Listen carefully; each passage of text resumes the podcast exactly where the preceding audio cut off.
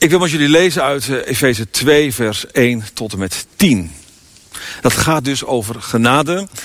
En daarna wil ik er wat over uitleggen.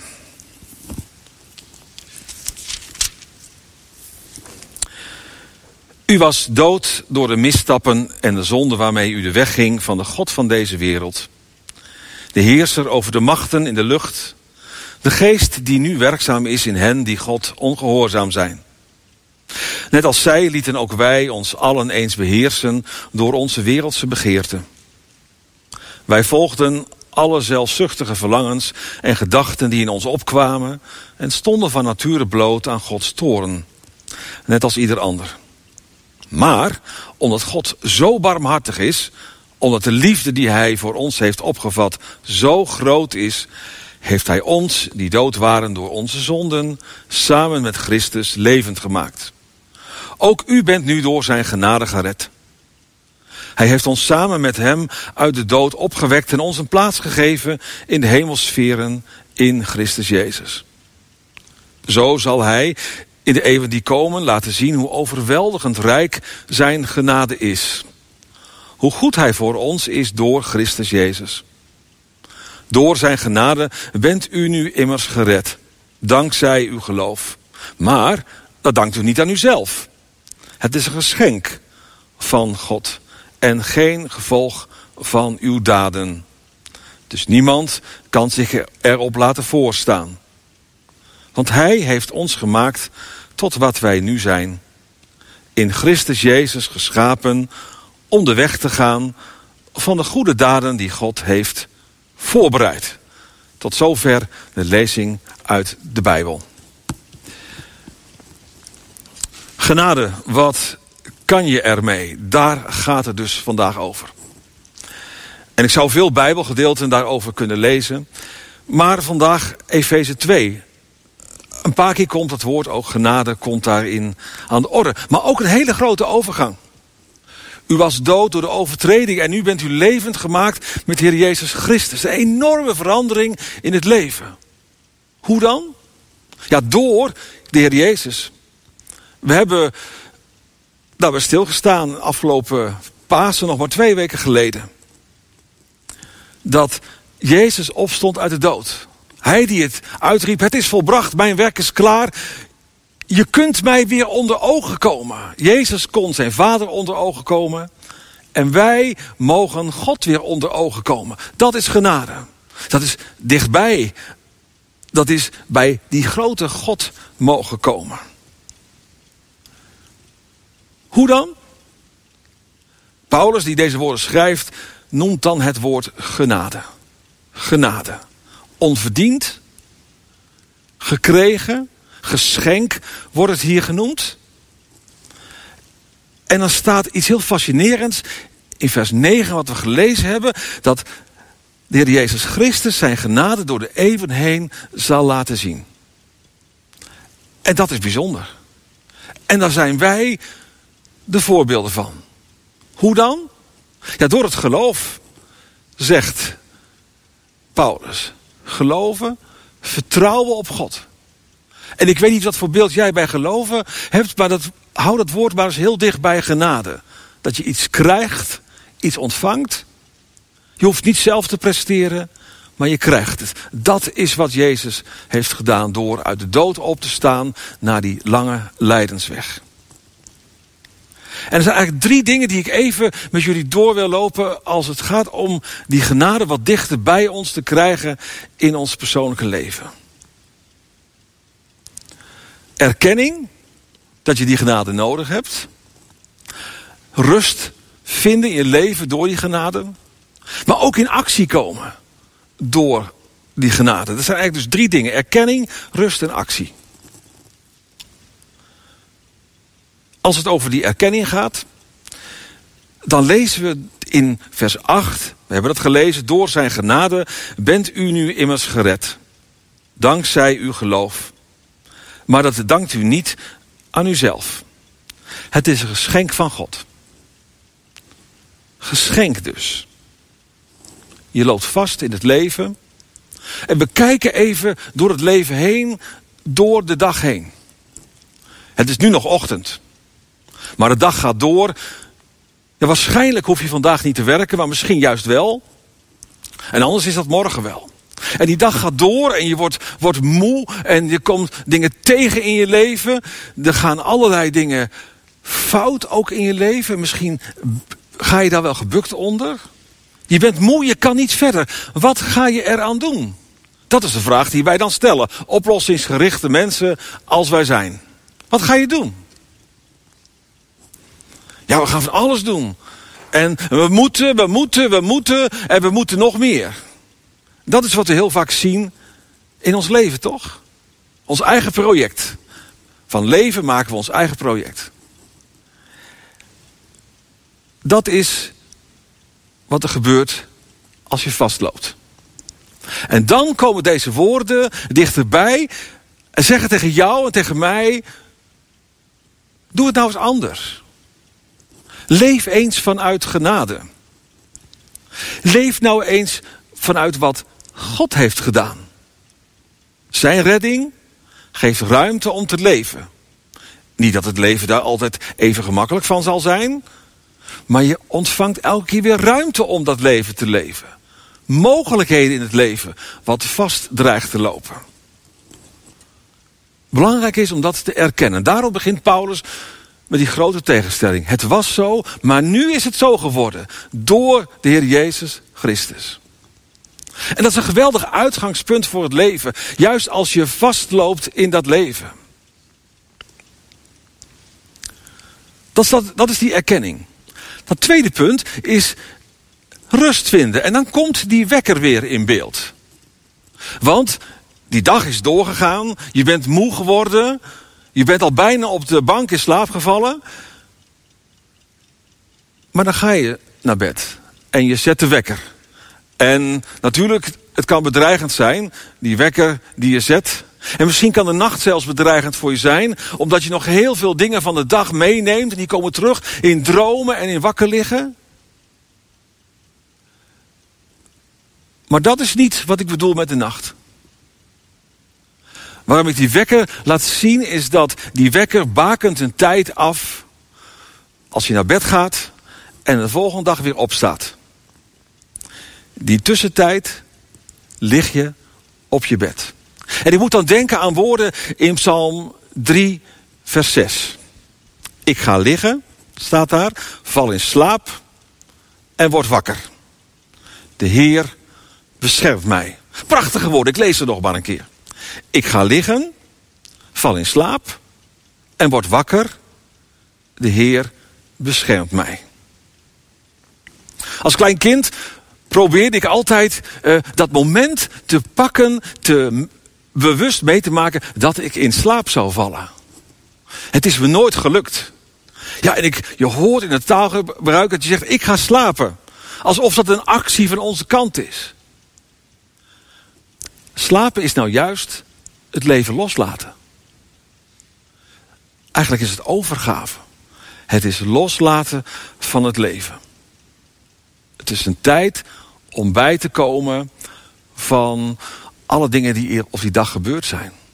Je krijgt de tijd tussen dat de wekker wordt ingesteld en dat die afgaat. Om tot rust te komen. Dat is een moment voor jezelf. En dat vind ik ook belangrijk te zeggen. Want eigenlijk als het over die erkenning zo net gaat... dan gaat het over genade als, als uiting van de relatie tussen God en jou. Gods genade maakt van jou een nieuw mens. Een mens die redding heeft gekregen door de Heer Jezus. Maar genade als rust zou je ook kunnen zien als genadig zijn voor jezelf. Dat je zegt, in de, in de hele soort van het leven mag ik tijd hebben om tot rust te komen voor mezelf. Ja, je kunt met, met elkaar met, samen in bed liggen bijvoorbeeld, maar uiteindelijk slapen doe je alleen. Je laat het leven los. En weet je wat nou het wonderlijke van slapen is? Dat je dan juist de kracht opdoet. Nieuwe energie krijgt in je lichaam en in je geest om daarna weer een nieuwe dag te kunnen doormaken. En hoe krijg je dat dan? Ja, niet door zelf heel actief te gaan slapen, want dan lig je wakker. Maar door het leven los te laten. En zo is dat met genade dus ook. Genade is dat God telkens weer tegen jou zegt: Kom maar tot rust. Laat mij maar de leiding van je leven nemen.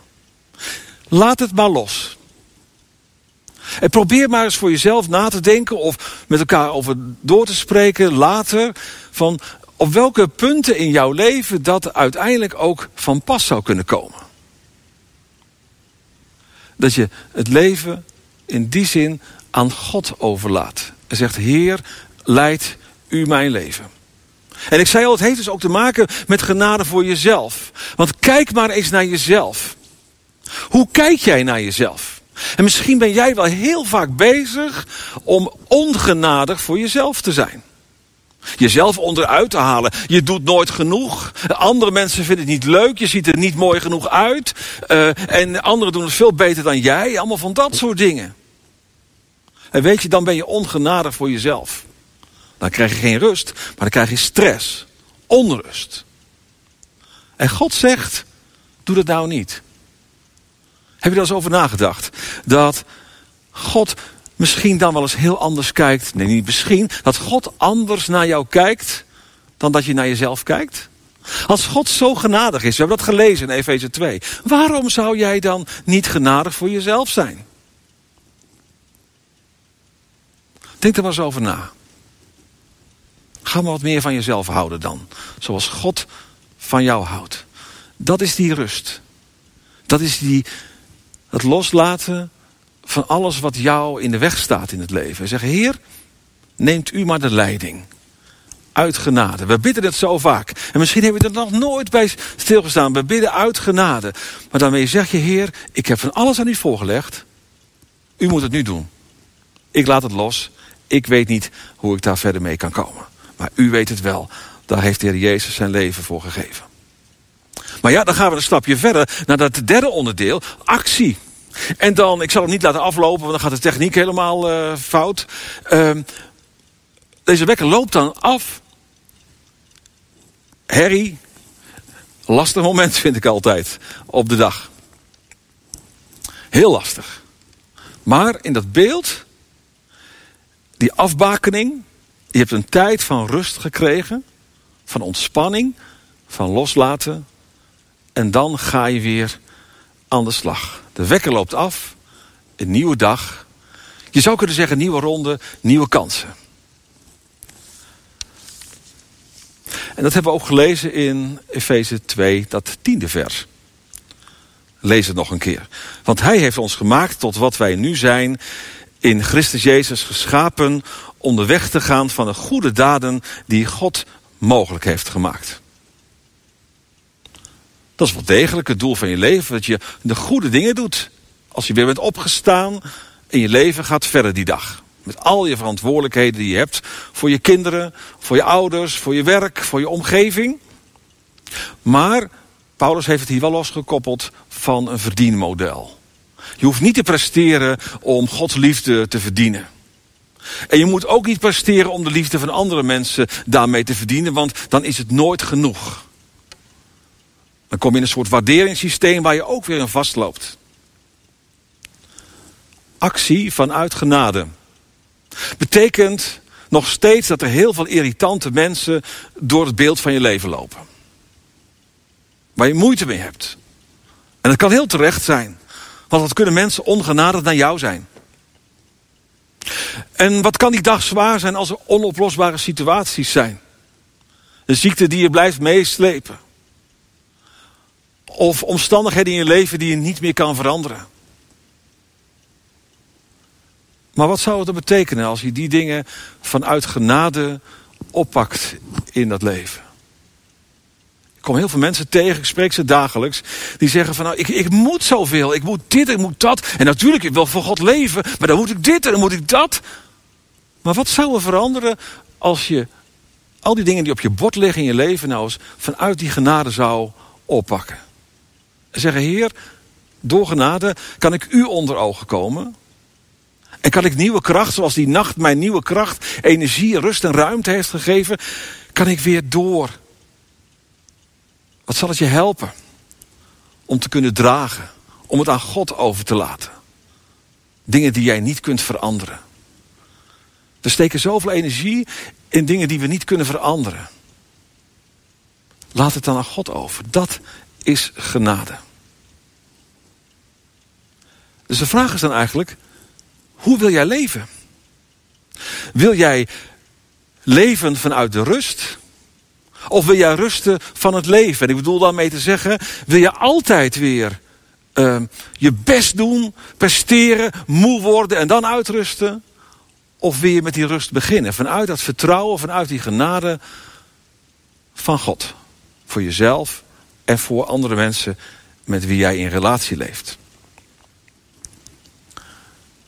De uitnodiging van de Bijbel vandaag is: leef vanuit die rust.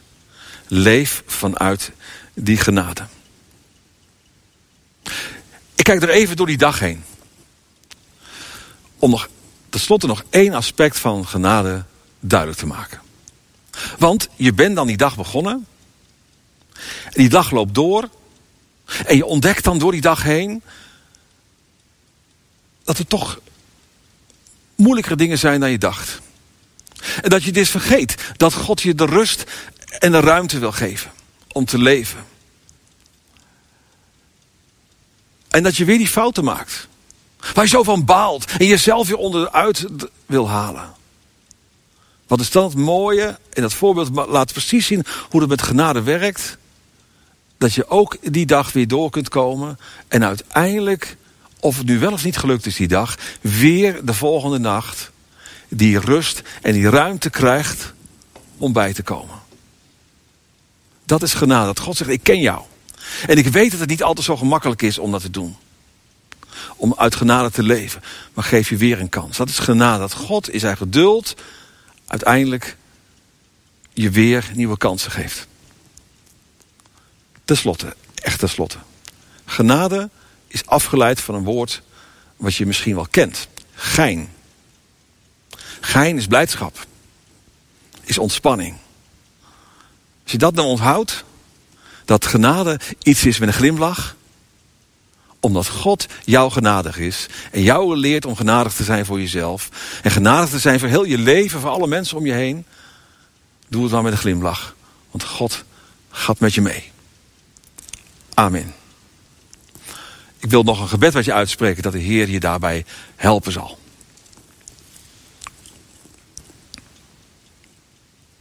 Heer onze God, genadige God. Wat een prachtige boodschap. Dat we u onder ogen mogen komen. Dat we vanuit uw genade mogen leren leven. Genadig zijn voor onszelf. En u weet wat we daarbij nodig hebben. Als we onszelf kunnen tegenvallen. En het allemaal veel beter zou moeten in onze beleving. En de stress komt en onrust. Heer, breng ons weer terug bij de rust van de nacht. Dat we bij u mogen schuilen. Bij u mogen bijkomen. Loslaten. Omdat u in uw genade ons weer vult met nieuwe kracht. Dank u wel dat we op die manier ook mogen leren leven uit genade in onze omgeving, in ons werk en in, de mensen om ons heen. We vinden dat vaak heel moeilijk. Want er zijn nogal wat dingen gebeurd in het leven. Help ons om dan niet bij onszelf te beginnen, maar dan weer terug te gaan naar uw genade. Om vanuit die genade, zoals u ons genadig bent, ook leren om genadig te zijn voor anderen. Niet dat we dan kunnen alles kunnen oplossen. Maar dat we het kunnen loslaten en in uw handen kunnen leggen. Heer, geef ons die rust waar we zo naar snakken. Die we nodig hebben in een onrustige tijd. Ook van corona en nog veel andere dingen. Heer, zegen ons. Help ons. En hoor ons in Jezus' naam. Amen.